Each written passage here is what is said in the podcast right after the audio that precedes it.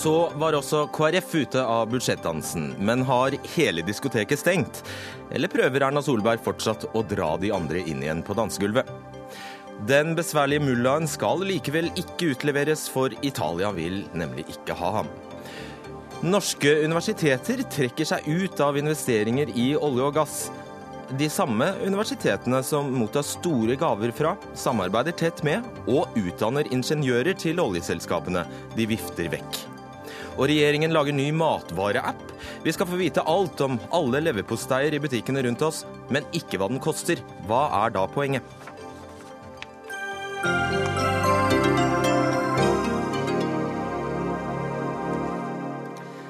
Riktig god kveld og velkommen til en uh, ny utgave av Dagsnytt 18. Jeg heter Fredrik Solvang.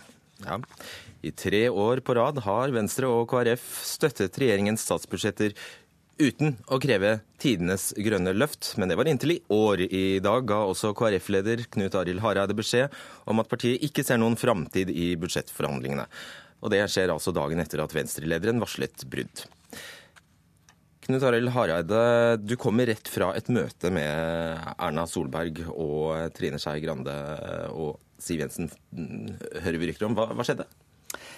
Det, det, var jo sånn at eh, Statsminister Erna Solberg og finansminister Siv Jensen inviterte Trine Skei Grande og meg til en uformell samtale i dag. Eh, vi står jo overfor en ny situasjon nå ved at Venstre valgte å bryte i går, og at vi heller ikke så noen vei videre i dag. Eh, og da var det naturlig at vi tok en prat. Eh, det var nok ikke sånn full diskotekstemning der. Eh, det er en krevende situasjon. Jeg tror vi ser at det vil være vanskelig å få til en enighet. Men vi konstaterer jo òg at det er fem dager igjen. Og det gir jo òg noen muligheter, kanskje i sluttfasen. Så diskoteket er ikke helt stengt? Nei. Det er sånn at vi har sagt veldig tydelig til regjeringspartiene at vår dør er åpen 24 timer i døgnet. Vi har til og med sagt vi kan ha søndagsåpent for å få til en løsning eh, i siste fase. Du verden, døgnåpent og søndagsåpent. Ja, eh, fordi at eh, dette handler jo om at vi trenger et budsjett. Men da er det vilje at alle er nå villige til å gi i en sluttfase, til å få gode løsninger. Du var påpasselig med ikke å kalle dette et brudd i dag. Hva er det da? Det er eh, så enkelt at vi ser ikke noen grunn nå til å fortsette de forhandlingene. Altså at vi skulle gå og forhandle med regjeringspartiene alene. Eh, en trepartiløsning ser ikke vi for oss. Vi har vært fire parti gjennom dette samarbeidet. Det ønsker vi å fortsette med. Og skal vi få til en enighet, så ønsker vi en firepartienighet. Ja, men kan Samtid... ikke bare bruke ordet brudd? Ja, jeg, jeg, jeg valgte å formulere meg på min måte.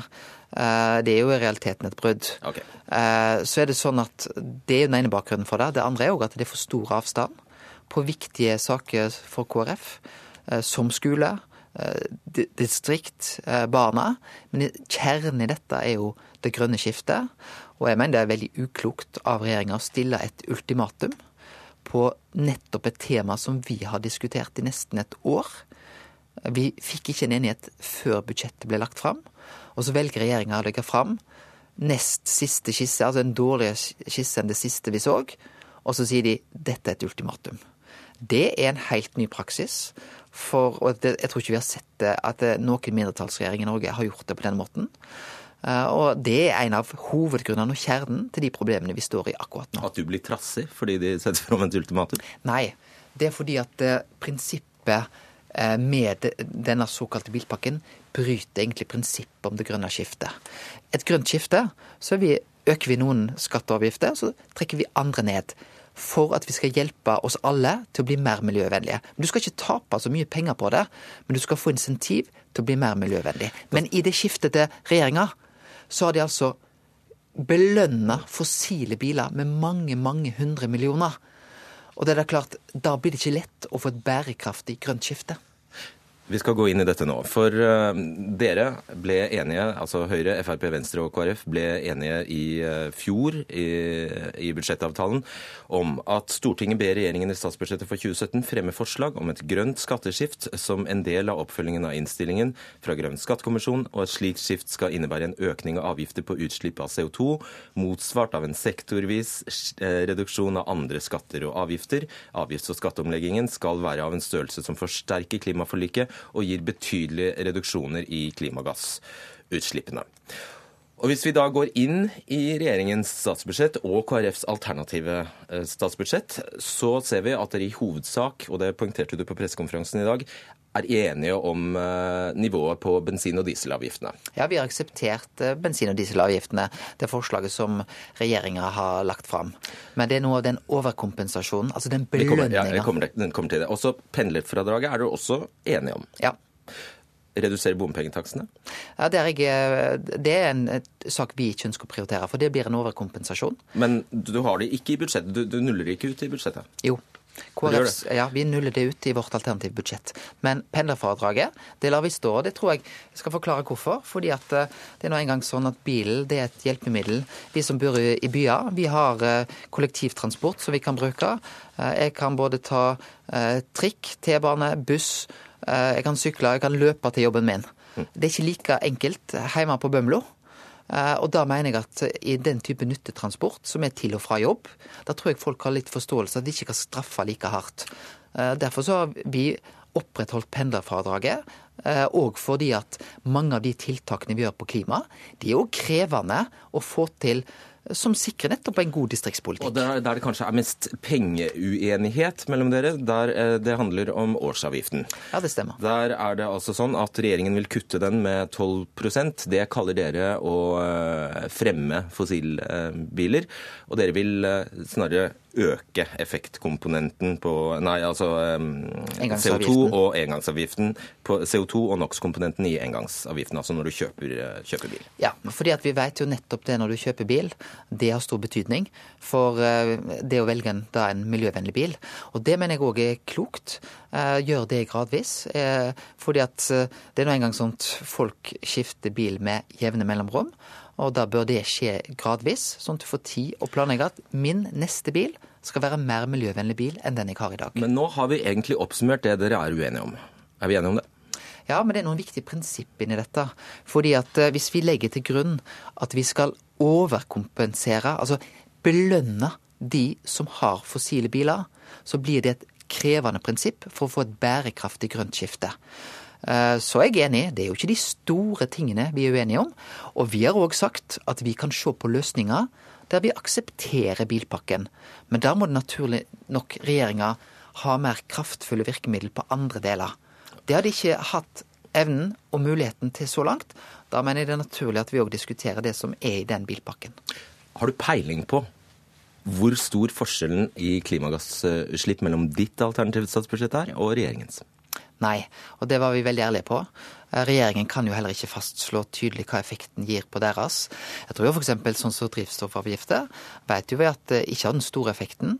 Men det er klart at hvis det gis en forventning om at den type avgifter økes over en tid, så gjør det òg noe med Når du da skal kjøpe din neste bil, eh, forventningen til, til, det. Men Harald, hva tror du? Tror du ditt er mer, mer miljøvennlig?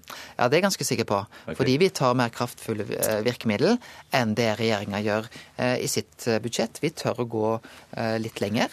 Vi bruker f.eks. ikke penger på, på bompenger som vi vet har en ikke den store effekten, men har en viss effekt. Vi vet også at vi tar eh, Vi har i vårt forslag òg justert eh, diesel- og bensinprisene opp, men vi har akseptert i de forhandlingene som vi har vært i nå, så har vi akseptert det regjeringen har levert på det. Og fordi at da vi satt i forhandlinger med regjeringspartiene før budsjettet, så var det faktisk for KrFs del nettopp den overkompensasjonen som jeg syns er krevende. Kanskje ikke for CO2-utslippene i 2017, men som prinsipp framover så blir det veldig krevende hvis vi skal overkompensere Skjønner. nettopp det fossile. La oss eh, sjekke med en som kan gi svar på hvor eh, nøyaktig hvor stor forskjellen i beregnet CO2-utslippsreduksjoner det er mellom ditt og regjeringens budsjett. Steffen Kalbekken, forskningsleder i CICERO, Senter for klimaforskning. Hva er forskjellen? Med det vi kan regne på, enkelt og greit, og det er ikke alt, så ser vi en forskjell på omtrent 40 000-50 000 tonn i favør av KrF. Altså at de, de, har en merkbart større effekt på å redusere utslippene. Og det inkluderer bl.a. ikke den nevnte innskjerpelsen i engangsavgifta, sånn at den reelle effekten er nok enda større enn de 40 000-50 000 tonn. Hvor mye er det, da? Det er jo da 40-50 bedre enn en, ja, men hvor mye er, så, men, hvor mye er 50 000 tonn CO2-ekvivalenter? Ja, vi, vi, vet hvor vi skal være i 2030. Eh, og vi skal kutte med omtrent 10 millioner tonn i transport og, og jordbruk fram til 2030. Delt ut likt per år, så burde vi da kutte omtrent 800 000 tonn per år. Så det er en grei målestokk på hva vi burde klare hvert enkelt år.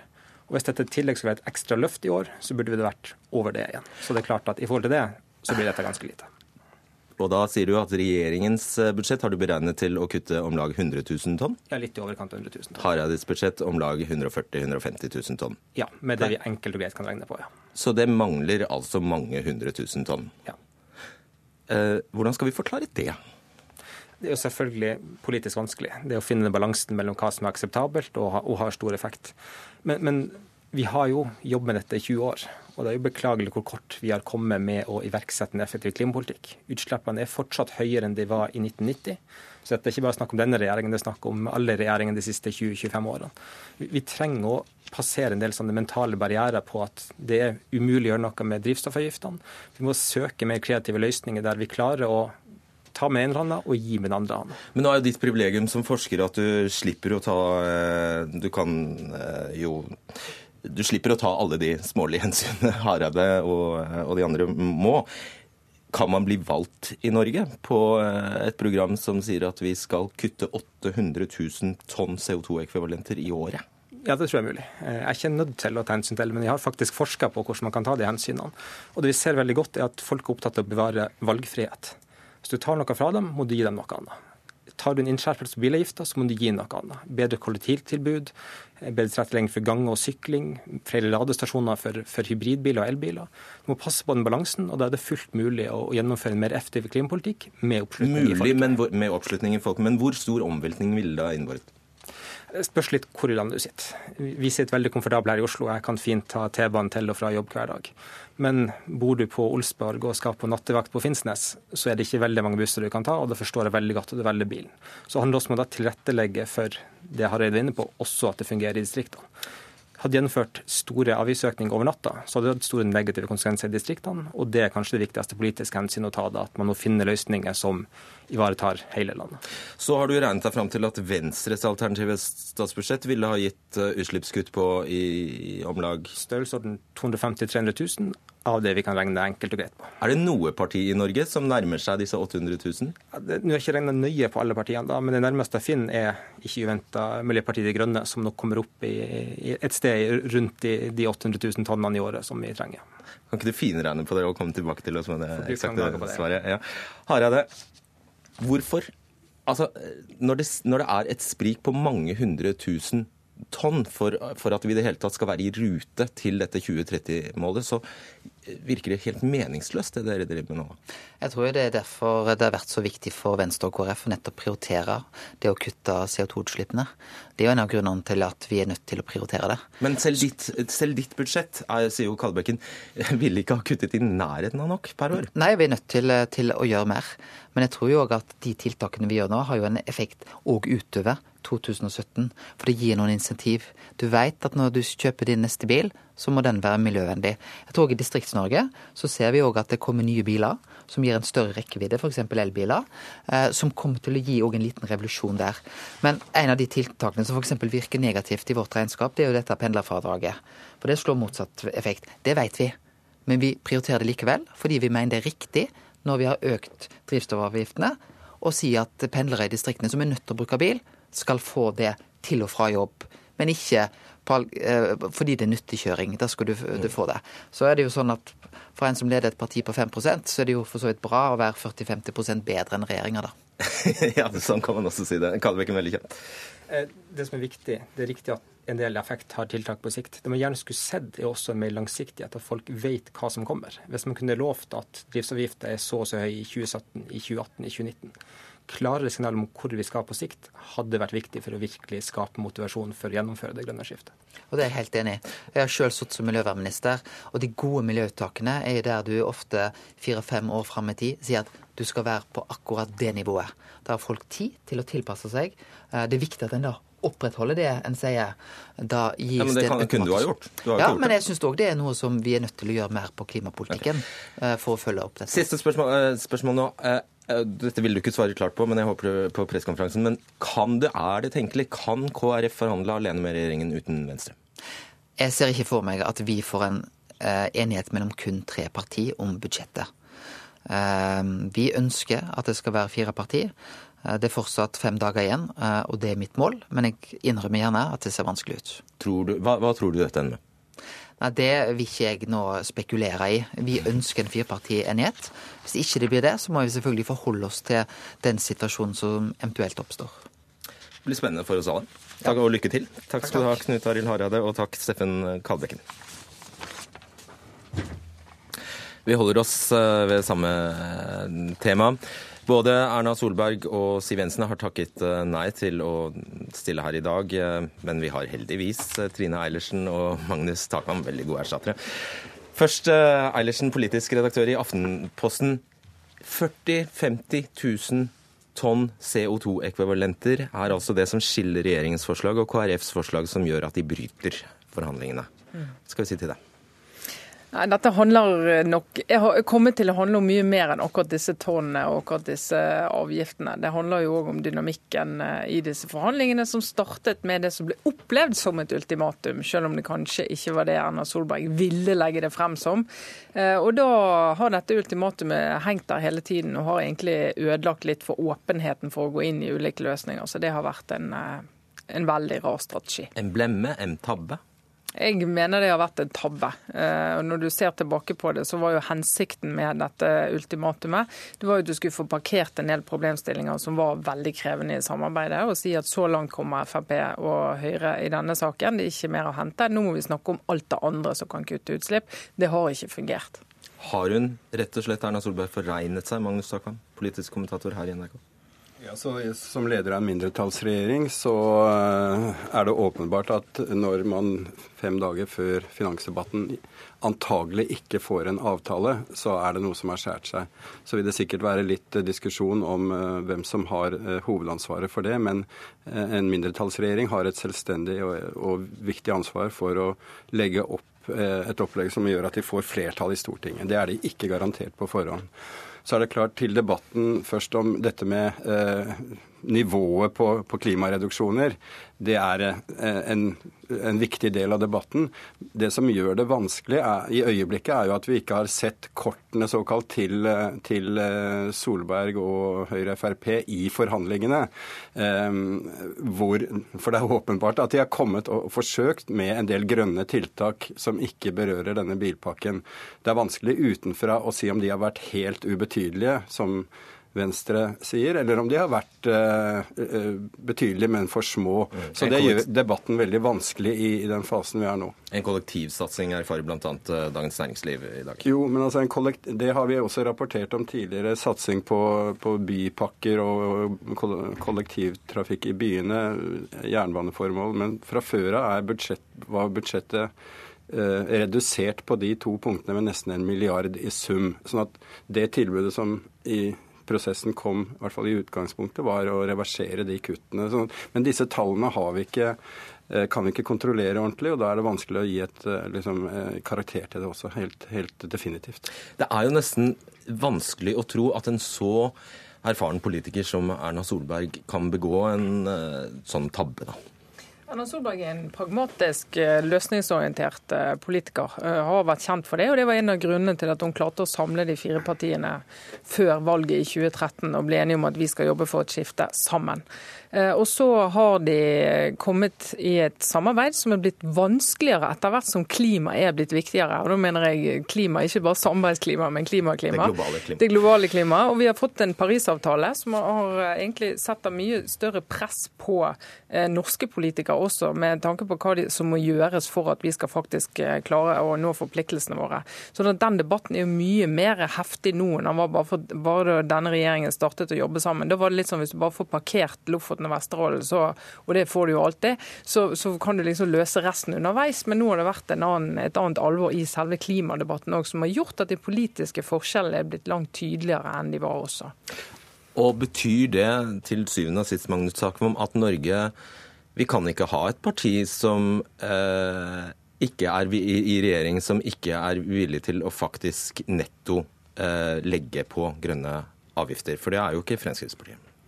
Altså, det er i hvert fall krevende eh, å ha i samme regjeringskonstellasjon to partier som står på hvert, hvert sitt absolutte ytterpunkt i miljø- og klimadebatten, sånn som tilfellet er nå. Særlig når vedkommende tema blir, eh, som man er inne på, viktigere i samfunnet.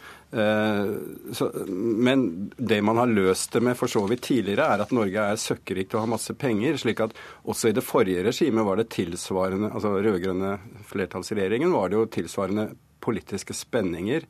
Men man satset på skogsatsing, på CC, altså eh, rensing og fangst av karbon CO2. Ting som på en måte ikke ikke koster noe. Eh, Klimakvoter. Ja. Så, så, så, langt så bærer liksom en sånn konflikt, hvis man klarer å på en måte kjøpe seg ut av det og, og bidra til reduksjoner andre steder, eh, sånn som skogsatsingen som Norge har, gjort f.eks. Formelt her, altså det er mandag som gjelder. Da går altså fristen fristen ut. Hva skjer da, om, eh, om det ikke har kommet til enighet? Men Da er det jo finansdebatt i Stortinget, og da må jo Erna Solberg eh, fortelle Stortinget da, hvordan ståa er. Eh, og hva hun har tenkt å gjøre med det. Og Det er jo det vi må, må følge med på de neste dagene, om de klarer å løse noe før det. Det virker faktisk ganske usannsynlig akkurat nå. Og så vet vi at det kan skje ting når eh, panikken slår inn i alle leirer før vi kommer så langt. Men akkurat nå ser det jo ikke veldig sannsynlig ut. Og da må hun undersøke om det er noen som kan støtte det budsjettet, fordi at noe annet vil bety at regjeringen går av. Altså, vi hørte, Det har vært, et, som du, dere var inne på til å begynne med, et uh, møte som Erna Solberg inviterte til nettopp nå i kveld. Og etter det møtet har uttalelsene vært enda mer pessimistiske. Og man toner ned forventningene til et uh, raskt, til en enighet før budsjettet 5.12. i det hele tatt. Så det er veldig sannsynlig at det ikke skjer. Og mm, til spørsmålet om regjeringskrise, så så er det dere har diskutert om dette ultimatumet, altså et kjerne altså eh, jeg ville normalt sett tro at f.eks. KrF er en veldig høy terskel for å bidra til å felle en regjering. Men samtidig så er, er reaksjonene på dette ultimatumet fra en mindretallsregjering, eh, fra bl.a. KrF, så sterke at det er er ikke umulig at det kan føre til at de likevel ikke støtter budsjettet. Fordi Så er, provoserende var det. Det er uh, å på en måte uh, tvinge på plass et budsjett på den måten må man, slik mange ser det, da, uh, ikke, ikke godta. Nei, Det, det ultimatumet det har ødelagt eh, veldig mye. og Uansett om hensikten var at det skulle være det eller ikke, så er det noe når vi skal fortelle historien om hvordan det gikk med denne regjeringen, uansett hvordan det går, så kommer det til å stå der oppe som eh, noe som holder på å ødelegge eller ødela hele samarbeidet. Takk, Magnus Sakholm og Trine Eilertsen.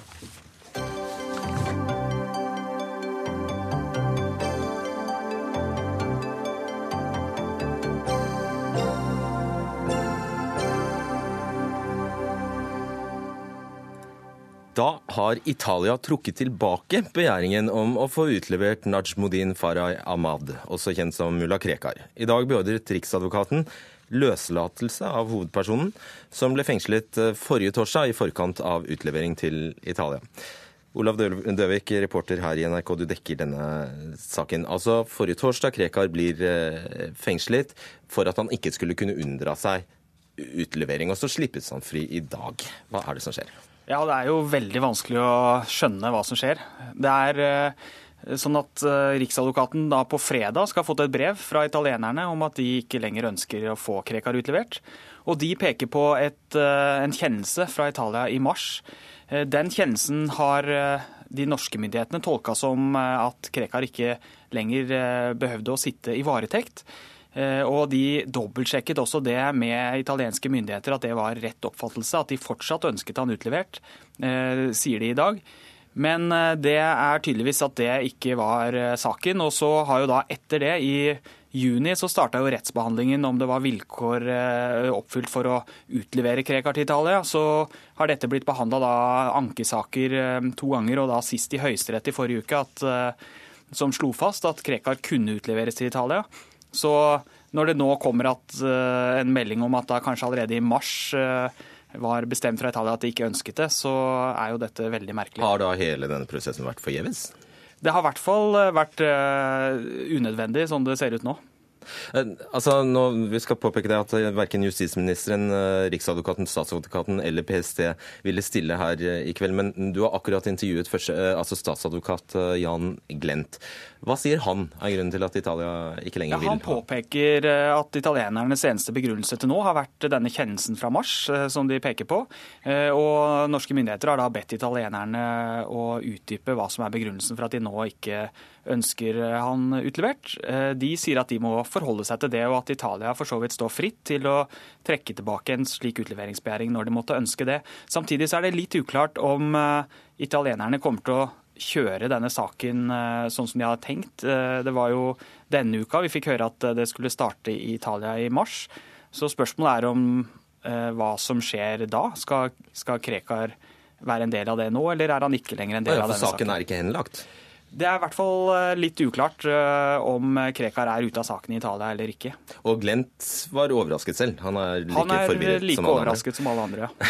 og, altså, I oktober kom da eh, NRK med nyheten om at det hadde vært møte mellom det norske og det italienske justisdepartementet i forkant av denne utleveringsbegjæringen fra Italia. Har det nå vært politisk dialog mellom disse landene?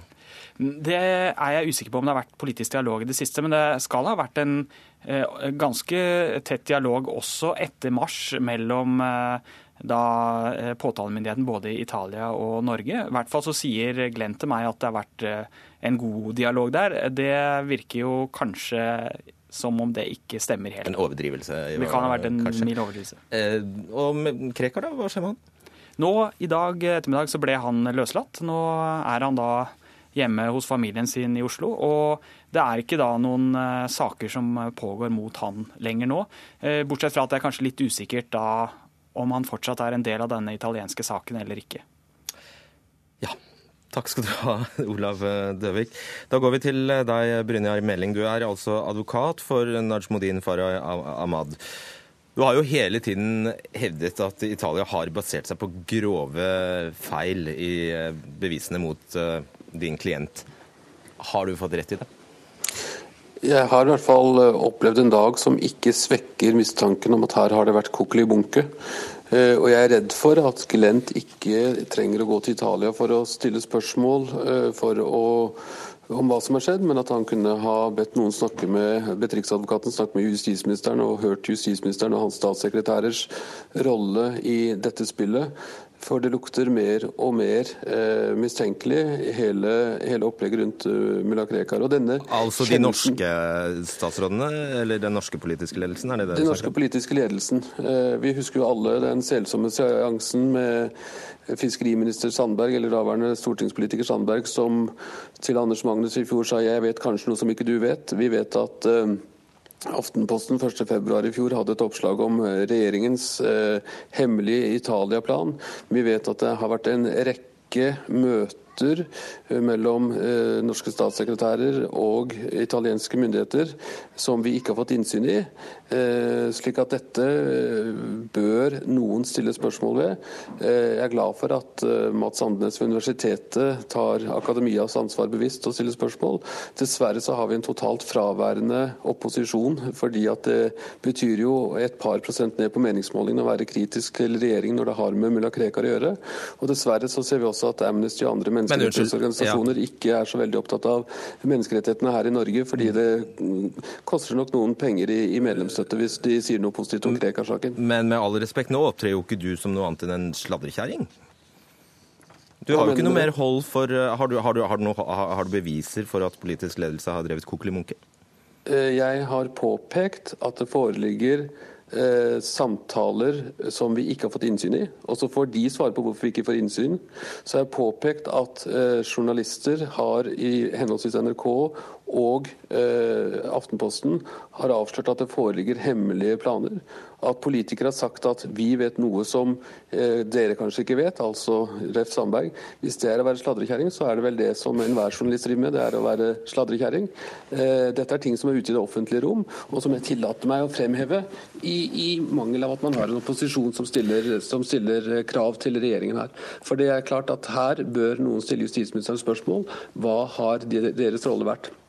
Og Særlig i lys av at justisministeren tilhører et parti hvor hans partileder har sagt gjentatte ganger at hun er villig til å bryte menneskerettene for å få mulla Krekar ut av landet. Og i forlengelsen av det, er det, det nå aktuelt eh, å kreve noen form for oppreisning? Han har jo da sittet i fengsel siden to, er det forrige torsdag i forkant av utlevering? Og så, eh, ja, han har sittet fire og en halv måned også tidligere mm. på, på, dette grunnlaget. Eh, så erstatning skal han ha. Eh, nå har jo ikke norske myndigheter vært så villige tidligere til å betale mulla Krekar erstatning når de har urettmessig forfulgt han. Eh, men kanskje eh, alvoret snart begynner å gå opp for norske myndigheter også at man kan ikke bare bestemme seg for at en person er kriminell, og så etterpå forsøke å finne ut hva han har gjort, slik man har holdt på med med Krekar nå i 14 år og, og 4 måneder. Eh, det vanlige i straffesaksbehandling er at man da først finner en straffbar handling, og så forsøker man å finne ut hvem som har gjort det.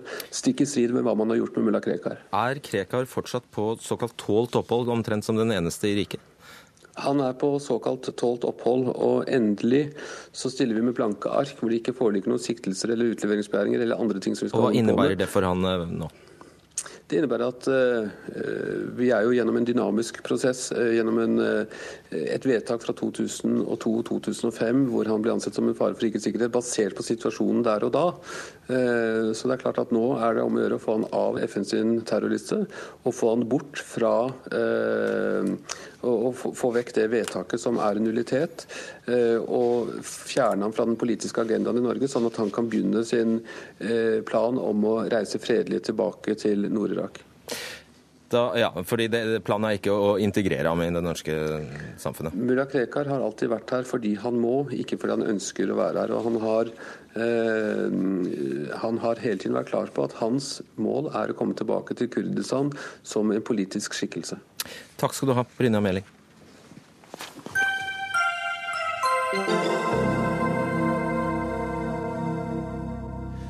Universitetet i Oslo, NTNU og Norges miljø- og biovitenskapelige universitet trekker seg ut av fond som investerer i olje og gass. Til sammen har de tre universitetene om lag 183 millioner kroner investert i fossile selskaper. Men siden universitetene er noe av det mest bærekraftige vi har i et demokratisk samfunn, må også pengene komme fra bærekraftig aktivitet, hørte vi såkalte Forvaltningsstiftelsen for fond og legater Unifor si i morges her i NRK. Gunnar Bovim, du er rektor ved Norges teknisk-naturvitenskapelige universitet, eh, NTNU i Trondheim, og dette stiller du deg bak. Eh, god kveld. Eh, jeg tror det er viktig å ha en liten nyanse. Det vi på NTNU har lagt til grunn for forvaltningen av våre fondsmidler, det er at vi følger petroleumsfondets retningslinjer med å trekke ut av kull, ikke av ikke av fossil energi totalt sett. Uh, men Unifor, uh, som dere da Altså dere, bare for å forklare det. Uh, Universitetet i Oslo, dere og NMBU har altså penger Altså dere har penger fordi dere får bl.a. gaver. Og disse forvaltes av dette organet Unifor. Og Unifor har bestemt seg for nå å trekke seg ut av olje og gass. Ja, altså Det som er retningslinjene gitt fra vår side. Vi har til sammen ca. 140 millioner i, i, fondsmidler som eies av en stiftelse i, som, er gitt, som er gitt til NTNU og eies av en stiftelse. Disse 140 millionene har vi gitt retningslinjer til Unifor at vi ønsker at forvaltes i tråd med petroleumsfondets forvaltning, altså ut av kull, men ikke ut av all fossil energi. Eh, så dere har en annen praksis enn f.eks. Universitetet i Oslo? Ja, altså, Det er Unifor som forvalter disse pengene på helhetens vegne.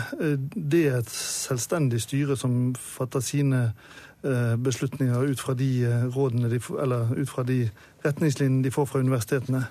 Jeg er usikker på hva slags retningslinjer de andre universitetene har gitt, men, men vårt forhold til dette har vært at eh, vi, vi ønsker at Petroleumsfondets retningslinjer følges. Ja, og Unifor opplyser eh, da altså at det medfører riktighet at uh, også deres, altså pengene til NTNU, vil bli uh, forvaltet slik at man trekker seg ut av olje og gass. Men det sier du ikke stemmer? Altså våre, Vårt ønske, det som det fondsstyret som forvalter disse pengene hos oss, har gitt som retningslinjer for våre penger, er at de skal ut av kull, men ikke ut av all fossil energi. Ålreit. Om lag hver femte krone NTNU og universitetene får over eh, statsbudsjettet, kommer jo direkte fra olje og gass. Og I tillegg samarbeider dere tett med mange olje- og gasselskaper. Dere får gaver i form av forskningslabber og utstyr. Dere har samtidig, som, eh, samtidig rammeavtaler på oppdragsforskning med selskaper som Total og Statoil.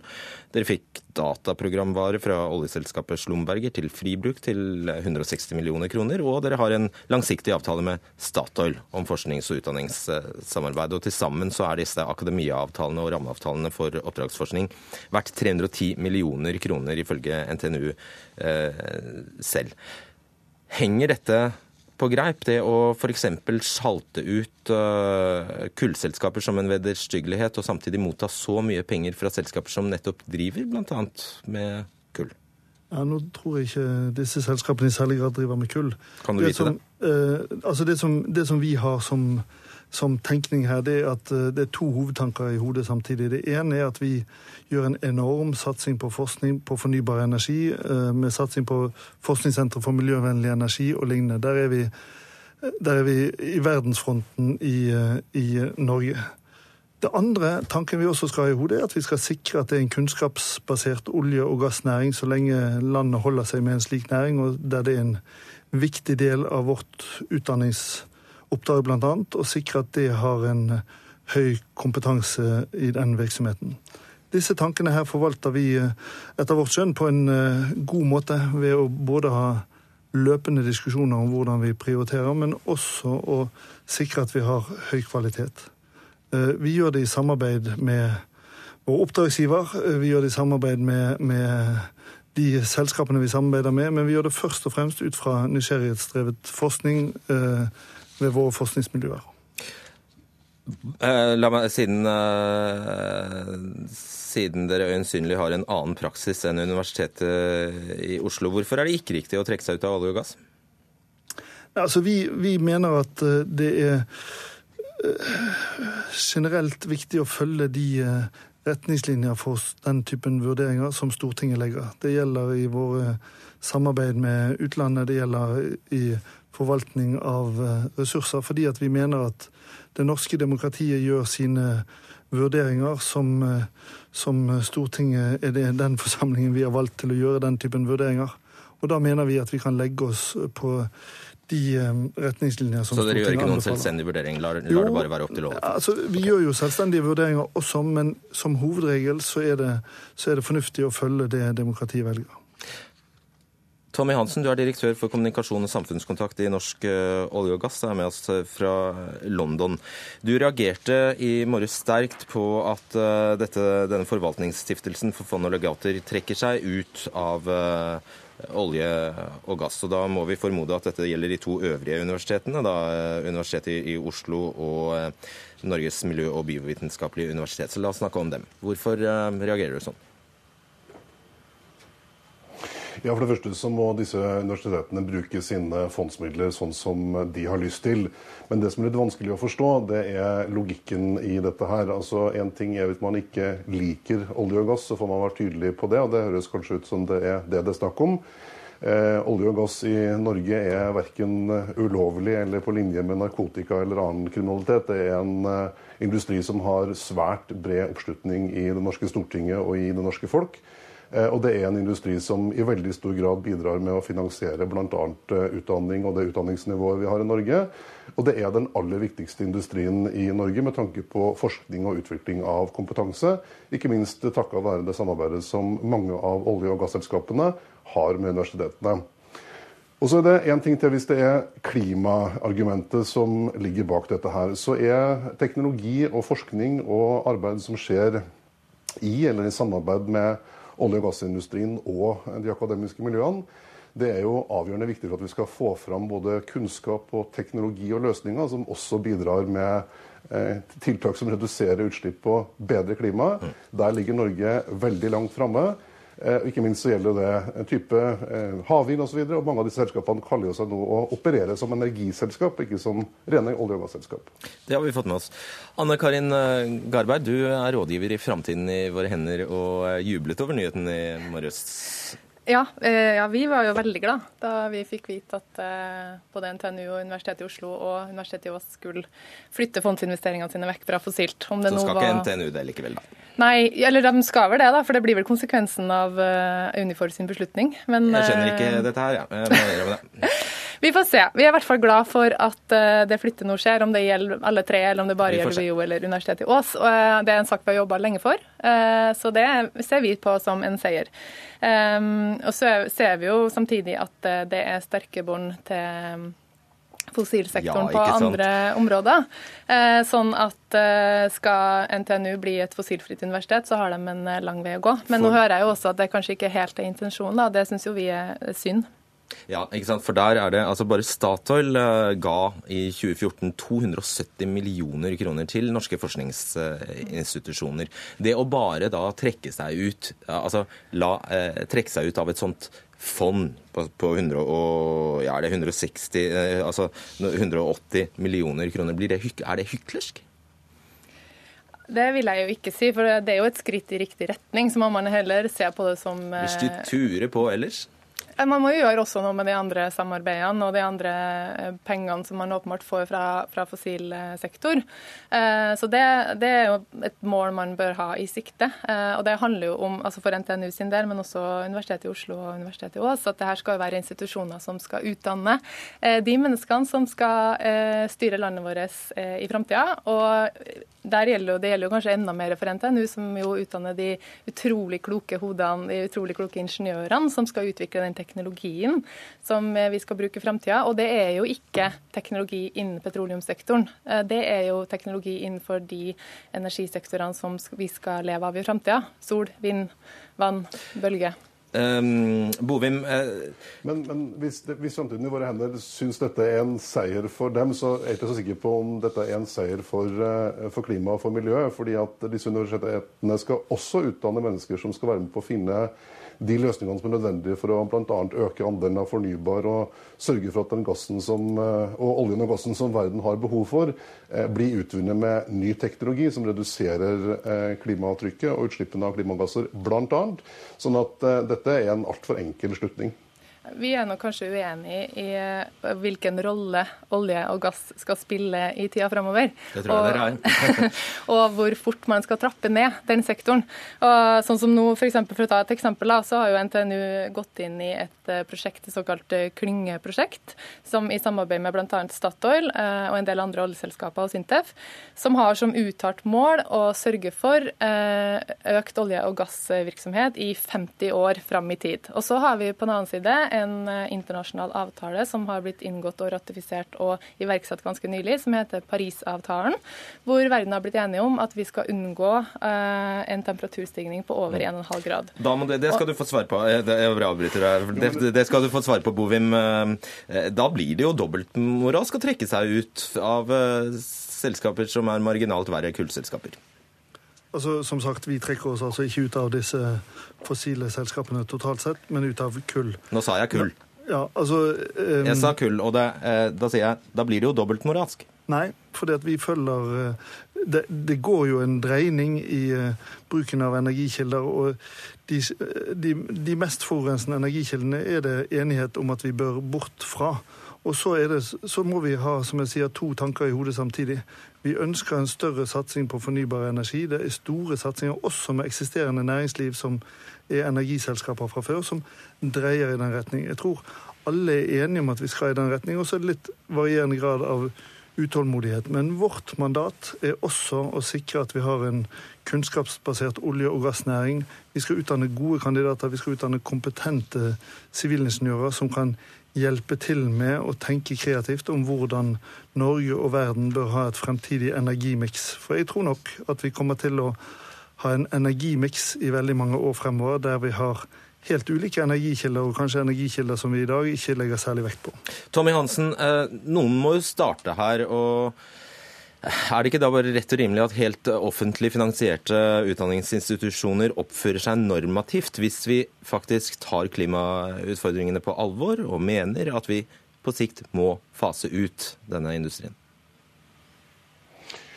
Jo, men da er spørsmålet hva som er normativt. og Her snakker vi om en industri som har svært bred støtte i både folket og ikke minst i Stortinget i Norge. Og eh, Jeg er enig med Gunnar Bovim i at vi må ha to tanker i hodet samtidig. Og disse pengene som det her er snakk om, vil jo være småpenger i forhold til det som totalt sett brukes på forskning og utvikling og kunnskap, eh, bl.a. fra olje- og gassindustrien. Men vi trenger altså gode ingeniører, som bl.a. Gunnar Bovim er med på å eh, utdanne for å finne morgendagens løsninger, også på mer klimavennlig energi. Eh, vi er også enig i at vi skal gjennomføre Parisavtalen. og Det betyr at eh, vi må utvinne mye og utvikle mye mer fornybar eh, energi. Men vi kommer til å ha olje og gass også i det bildet i mange tiår framover. Og da har vi behov for kunnskap for å gjøre dette her på en bedre måte i morgen enn det vi gjør i dag. Og det skal universitetene bidra til. Og, og derfor så er vi avhengig av at de engasjerer seg, at vi fortsetter det gode samarbeidet som vi har hatt med det akademiske miljøet i Norge. Alright. Siste spørsmål til deg, Garberg. Burde Bør NTNU bare rett og slett holde opp og utdanne petroleumsingeniører? ja, det mener jeg på sikt at de bør gjøre. Det bør eh, trappes kraftig ned, i hvert fall. Det er ikke der vi trenger de klokeste hodene i Norge. Vi trenger dem inn i fornybarsektoren. Vi setter strek der. Takk skal dere ha, Gunnar Bovin, Tommy Hansen og Anne Karin Garberg.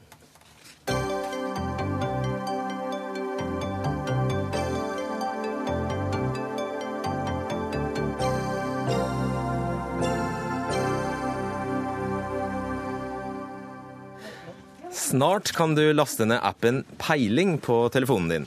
Der kan du finne informasjon om næringsinnhold og ingredienser i varen du kjøper, men hva den koster, nei, det vil ikke regjeringen at du skal kunne sjekke i denne appen. Næringsministeren med Konkurransetilsynet i ryggen mener nemlig at det vil føre til prissamarbeid mellom matvarekjedene. Eh, starte med deg, Mette Fossum, direktør for kommunikasjons- og samfunnskontakt i Rema 1000. Dere hadde gjerne sett at denne appen faktisk inneholdt prisinformasjon. Hvorfor det? Ja, fordi at vi mener at det er veldig viktig for kundene å ha full åpenhet om hvordan prisene er over hele landet gjennom et helt år. Altså Vi mener det er viktig å ha full åpenhet om det. For i dag så er det jo sånn at vi som eh, kjede vi har eh, full oversikt over våre konkurrenters priser. Så de som sitter har dere det? Ikke... Hvordan greier dere det? Jo, vi har prisjegere ute, og vi sjekker disse prisene hver eneste dag. Eh, det er ikke så veldig mystisk. Eh, og vi mener at det er viktig for kundene også å få innsikt i, i, disse prisene. For det har de ikke i dag, og de er de eneste som ikke har det. Spioner, altså. Bare veldig kort. Man aner ugler i mosen når en, en, av tre store dagligvarekjeder i Norge ønsker full åpenhet for publikum om priser. Hva er what's in it for Rema 1000? I dag så er det sånn at uh, prisene og priskonkurransen styres i sterk grad av ulike pristester på enkelte handlekurver, og ikke hele varesortimentet i sesonger, f.eks. For foran jul. Og da får vi en veldig rar priskonkurranse. Hadde kundene fått innsikt i prisene, hvor de laveste prisene var, gjennom hele året, så er det fint for kunden og fint for oss. Gunnar Gundersen, stortingsrepresentant for Høyre. Dette er vanskelig å forstå. Dere har altså fått beskjed fra, Stortinget om å utrede en uh, app. Det gjør som, vi. Og det, gjør, og det gjør dere. Den skal da gi meg mulighet til å finne ut hvor jeg finner uh, leverpostei i butikkene rundt meg, og hva de, de leverposteiene inneholder, men ikke hva den koster. Nei. Det høres jo helt meningsløst ut. Altså, for det første, hvis, hvis de private aktørene hadde blitt enige om å gjøre dette, her, så hadde det vært ulovlig. Konkurransetilsynet og konkurranseloven forbyr den type samarbeid. ja, men Nå er det jo ikke de private, nå er det jo staten. Ja, men ja, nettopp. La meg gi et eksempel. Altså, Rema sier at de har full oversikt i dag. Konkurransetilsynet kartla det her. Prisjegerne klarer ikke å skaffe oversikt over mer enn 2% av markedet. Eh, jo, men det er Konkurransetilsynet. La oss nå forholde oss til det. Og det er klart at Rema og aktørene drømmer om en sånn prisportal. For, for det I stedet for å bruke prisjegere som da ikke skaffer full oversikt over markedet, så ville de momentant få full oversikt over prisene i markedet. Hva skjer da? Jo, da kunne man ansette to stykker på et kontor. Sitte der og følge med på hele markedet. Og, og, og I løpet av en halv dag så ville bransjen finne ut ja, men I løpet av en halv dag så ville bransjen finne ut at det å priskonkurrere har ingen hensikt. Og etter én dag så er jeg sikker på at de ville finne ut at her kan vi begynne å skru opp prisene litt. Følger deg på det i det resonnementet, men hvor tar du det fra at, de er, at, at, alle er enige om at, denne, at, de gjerne skulle hatt denne appen? At alle de, eller de tre kjedene vi har, da? At de er så enige? Hvor tar du det fra? Nei, Jeg sa, jeg sa Rema at de Nei, Du sa at kjedene ville gni seg igjen? Altså. Jo, det, jo, det er klart det. For det, altså, det gir jo en mulighet til å heve prisene. Men de er jo ikke enige. Vi er helt overbevist om at vi er helt, Ja. vi er helt overbevist om at det her kommer til å føre til høyere priser for forbruker. Og det er jo nettopp derfor konkurranseloven også har for, forbud mot denne type Ok, Okay, bare avklar det først som sist. Dere er ikke enige? Nei, vi er ikke enige i det. I dag så sitter kjedene med en innsikt i 80% av prisene. Så vi har full innsikt i det, og det er en vanvittig sterk konkurranse på, på pris i dag. Men de to andre kjedene ønsker ikke nødvendigvis denne appen? La oss si det sånn at de i all offentlighet går ut og sier at de ønsker åpenhet, men kanskje er det ikke slik de jobber i kulissene der. Knut Storberget, stortingsrepresentant for eh, Arbeiderpartiet. Hva tenkte dere da dere ga regjeringen beskjed om å utrede en sånn app? Hva var hensikten? Stortingsflertallet vedtok jo at man skulle lage en dagligvareportal. Konkurransesituasjonen i dagligvarebutikkene er for usunn, og vi må gjøre noe med det. Og Vårt perspektiv, og særlig fra Arbeiderpartiet, er at forbrukernes interesser blir ikke godt nok ivaretatt. Og det var veldig tydelig, Jeg har gått tilbake i både merknader og innstilling i dag. og Der står det at denne dagligvareportalen bl.a. skal inneholde opplysninger om pris. Jeg oppfatter jo det regjeringen nå gjør, og det Gunnar Gundersen forfekter, det er i strid med forbrukernes ønsker. Men det er også i strid med Stortingets flertall. Ja, men tenk, Han er sier jo kjent- det er lite gjennomtenkt. Jo, men eh, nå er det jo sånn at vi vet at regjeringen har et anstrengt forhold til Stortingets flertall om dagen. Men det er jo sånn at dette har vært gjennomdrøfta. Vi har hatt utredninger om det. Og jeg vet også at Forbrukerrådet har hatt faglige undersøkelser, bl.a. av eh, Vista eh, og flere, eh, som har konkludert med at man ikke kan trekke den konklusjonen som Gunnar Gundersen nå gjør, om at dette vil eh, innlede nærmest et uheldig prissamarbeid. Er. Snarere tvert imot. Snarere tvert imot. Det er jo faktisk sånn at dette, altså Hva er det, som, liksom, hva er det forbrukeren faktisk er ute etter når han skal gå inn i en dagligvareportal? Jo, jeg ville tro at prisen på varen var svært viktig når han gikk inn der for å ta en beslutning om hvor han skulle gå og hva han skulle kjøpe. Jeg på å si, Det er ganske uinteressant å drive og bla i en app med, med dagligvarer hvis du faktisk ikke får vite hva varen koster. Og det er jo sånn, Jeg stusser veldig over at høyresida er imot dette. for det er En av forutsetningene for et fri konkurranse, åpent marked, Adam Smith sa det, andre teoretikere har sagt det etterpå, det er faktisk at forbrukeren har full informasjon. Og så vil jeg bare si én ting før Gunnar Gunnar slipper til. Konkurransetilsynet har jo sjøl hatt oversikter, bl.a. på strøm. eh, Med forskjellige strømleverandører. Når jeg skulle velge strømleverandør, så gikk jeg inn på Konkurransetilsynets nettsider. Og der var det som møtte meg der, det var pris. Og jeg kan ikke skjønne hva er det som gjør at ikke disse tankene som man nå har om uheldig konkurransesamarbeid, skulle gjelde overfor, for strømleverandører, når, når det plutselig gjør det for matvarer. Vi har det på fly, vi har det på mange andre produkter. Elektronikk Elektronikk. osv. Ikke, ikke gjennom en offentlig portal. Jo, Men, eh, Konkurransetilsynet har men, det. Det er- om at Det er i alles åpne. interesse å være åpen om pris, men, men eh, vi mener jo at vi er nettopp forbrukerens forkjemper av den grunn jeg sa. Altså det, det vil gå veldig, Hvis vi får til en portal med momentan prisinformasjon, så ville vi ha tre dagligvarekjeder, eh, aktører, i prinsippet. De ville veldig lett bare ha to ansatte i stedet for å ha en masse prisjegere, sånn som i dag, hvor de ikke får oversikt over markedet. Og, og bare ko- koordinere sine priser. Og det ville veldig fort Hva baserer du den antakelsen på? Nei, Det baserer jeg på Konkurransetilsynet og, og også konkurranseloven. Altså det, er, det ville være forbudt hvis aktørene sjøl hadde kommet på ideen.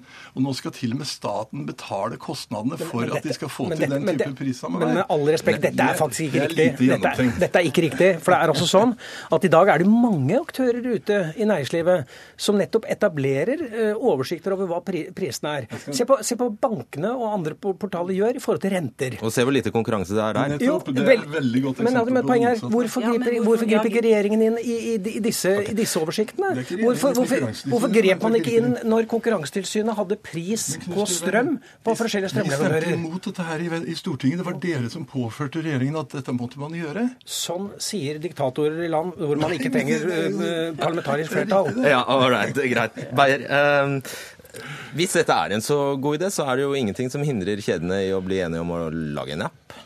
Du, eh, Vi har tatt utgangspunkt i Forbrukerrådet og eh, opposisjonen på Stortingets initiativ, og har vært med på det og samarbeidet med Forbrukerrådet tett for å gi de informasjon om hvordan eh, vi kan avgi informasjon til dem. Og vi har ingen problemer med det.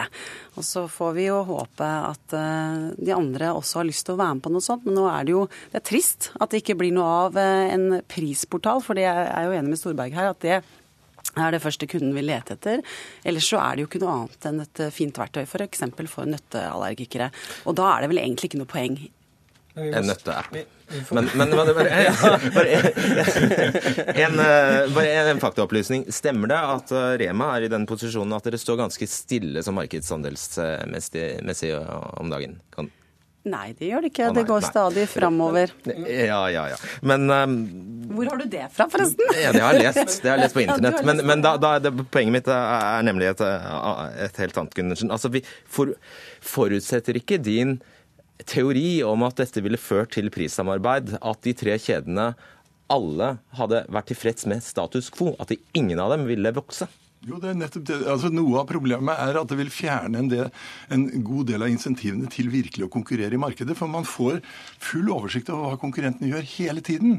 Da det, hvis noen setter ned en pris på en vare, så vil det momentant skje det samme i, hos alle andre aktører. Man vil ha en eller to personer som sitter og følger med på PC, det er, og det vil man bruke en halv dag på å finne ut. Det er ingen vits å drive med priskonkurranse i dette markedet. Etter en dag så man, vil man kunne bruke det til Men å heve hvorfor du Jeg det er bedre enn kjenne, Det er det som er så rart. Jeg skal nesten garantere at etter et år så vil vi finne ut at prisstigningen i det norske dagligvaremarkedet har vært vesentlig høyere enn hvis vi skulle komme til en sånn eh, prisportal. Det er rart det ikke har skjedd til nå, da. vi Vi snakker faktisk forbrukerens sak, for forbrukeren er ikke interessert i høyere pris.